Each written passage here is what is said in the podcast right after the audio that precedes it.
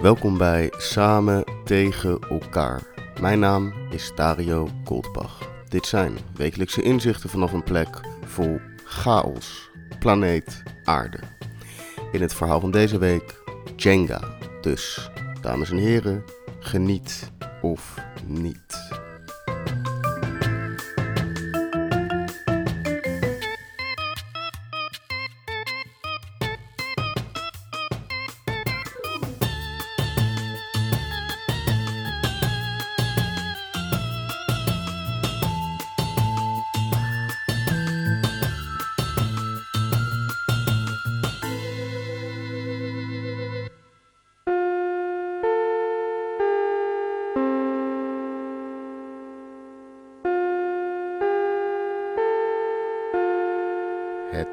Hoofdprogramma gaat reeds van start.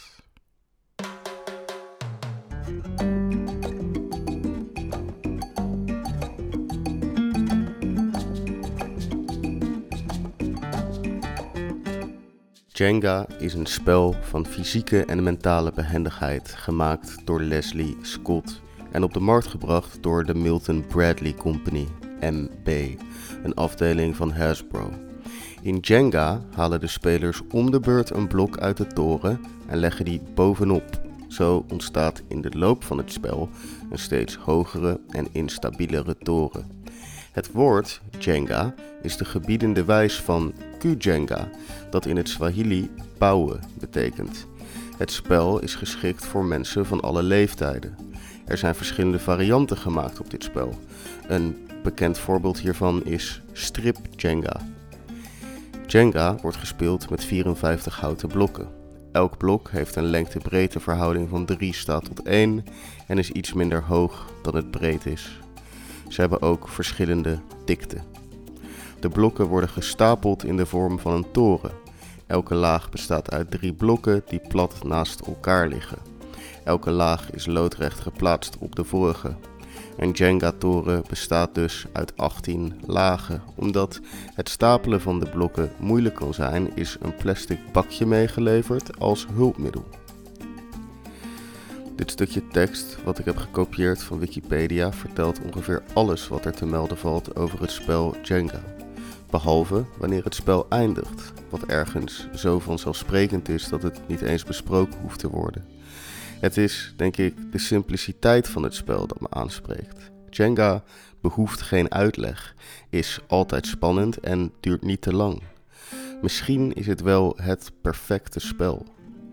Als kind speelde ik vaak met mijn vader, oom en tante aan de eettafel. Altijd s'avonds. Jenga kan, hoe wholesome het ook is, geen daglicht verdragen. We speelden dan een versie waar we ieder een satéprikker hadden als gereedschap. Dit om het spel tot op zekere hoogte makkelijker te maken en daarmee onze toren tot grotere hoogtes te kunnen brengen. Want ondanks dat je bij Jenga snel competitief raakt, werk je als tegenstanders, of je nou wil of niet, toch altijd samen aan de toren die steeds hoger en instabieler wordt. En voel je toch een soort collectief gevoel van trots wanneer de toren buitengewoon hoog en vooral gammel is. Want ondanks dat winnen in Jenga, net als in elk spel, belangrijk is, is de toren steeds hoger en hoger en hoger bouwen toch ook een integraal onderdeel van de hele boel.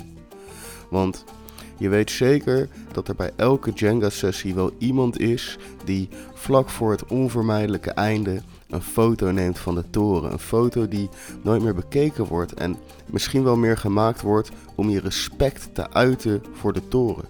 Een toren die alle natuurwetten nonchalant aan de kant heeft geschoven en daar volledig ongeloofwaardig staat te staan.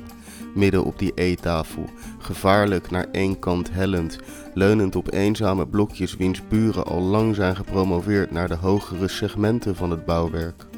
Een toren die nog nooit instabieler is geweest, maar ook nog nooit een hoger niveau heeft bereikt als op dat moment op die foto. Een foto die nooit zal worden uitgeprint en ingelijst, maar op dat moment toch belangrijk is voor zowel de toren als de groep, de saamhorigheid.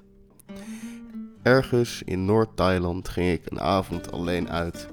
Mijn vriendin zou de volgende ochtend aankomen en ik eindigde in een bar waar je Jenga kon spelen tegen een hele mooie prostituee voor gratis drankjes. En nee, het was geen ladyboy, want ik had het gevraagd en toen sloeg ze me met de menukaart, maar dat terzijde. Ik speelde een paar potjes Jenga en verloor constant en kocht dan mixdrankjes voor ons, want de verliezer betaalt het rondje. En toen won ik eindelijk een keer en moest zij halen. En ik vertrouwde het niet en wisselde onze drankjes om. En toen begon ze te blozen en te lachen en ik nam een slok van haar drankje. En ze was inderdaad gewoon de hele avond doodleuk appelsap aan het drinken in plaats van vodka iets. En ik maar mixdrankjes afrekenen. En we moesten lachen en toen waren we ineens matties. En de volgende dag bracht ik mijn vriendin naar die bar zo van: Je moet mijn eer verdedigen en deze hoer verslaan met Jenga.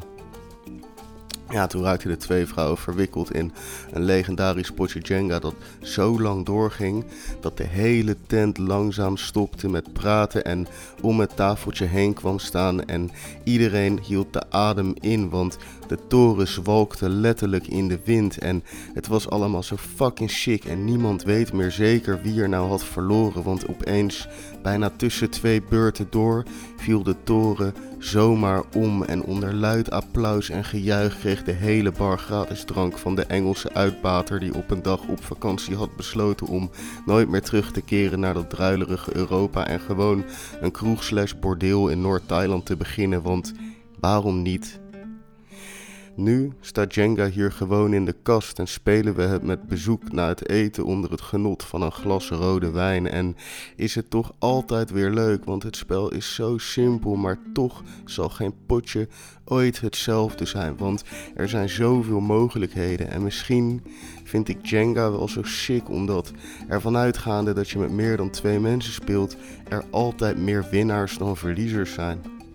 Of misschien gewoon omdat Jenga in mijn hoofd altijd een soort metafoor is voor het leven en de zin daarvan. Iets met klimaat of maatschappij of racisme of ongelijkheid of zo. En hoe je de aarde wel van al haar grondstoffen kan beroven om haar weer op te bouwen. Maar als de onderste laag van de toren maar één blokje in het midden is, kan je bouwen wat je wil, maar het wordt godverdomme niet stabieler allemaal. Maar hoe je door de blokjes op de juiste manier te bouwen de toren toch wel weer een beetje kan stabiliseren. En je daarmee door te werken de fouten van vroeger weer een beetje op kan lappen of zo. En je samen de constructie naar hogere niveaus kan tillen. Niveaus die niemand voor mogelijk had gehouden. Want je kan echt heel ver doorbouwen. Nog verder en verder en verder dan je dacht. Maar uiteindelijk is het spelletje voorbij. Want die toren valt op een dag om. En de afgelopen tijd heb ik het idee dat op het punt in ons Jenga-spel van een samenleving zijn dat we nog even snel een foto moeten maken terwijl we onze adem inhouden, want straks stort alles in. Mits we niet even snel een paar blokjes terugschuiven op die plekken in de toren waar extra hulp momenteel gewoon het hardste nodig is. Die onderdelen van de samenleving die steeds meer onder druk komen te staan door alles wat er maar steeds zonder te vragen bovenop gebouwd wordt. Maar zo werkt Jenga natuurlijk helemaal niet, want kijk. In Jenga is de verliezer degene die het zooitje laat omvallen. Maar feit blijft dat wanneer de toren eenmaal op de eettafel ligt, kunnen ook de winnaars niet meer spelen.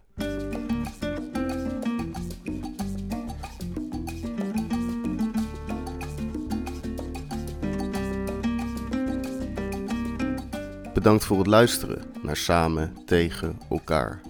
Abonneer je op dit programma via de bekende kanalen of stuur een berichtje via de website samentegenelkaar.nl. Ga je goed op deze podcast?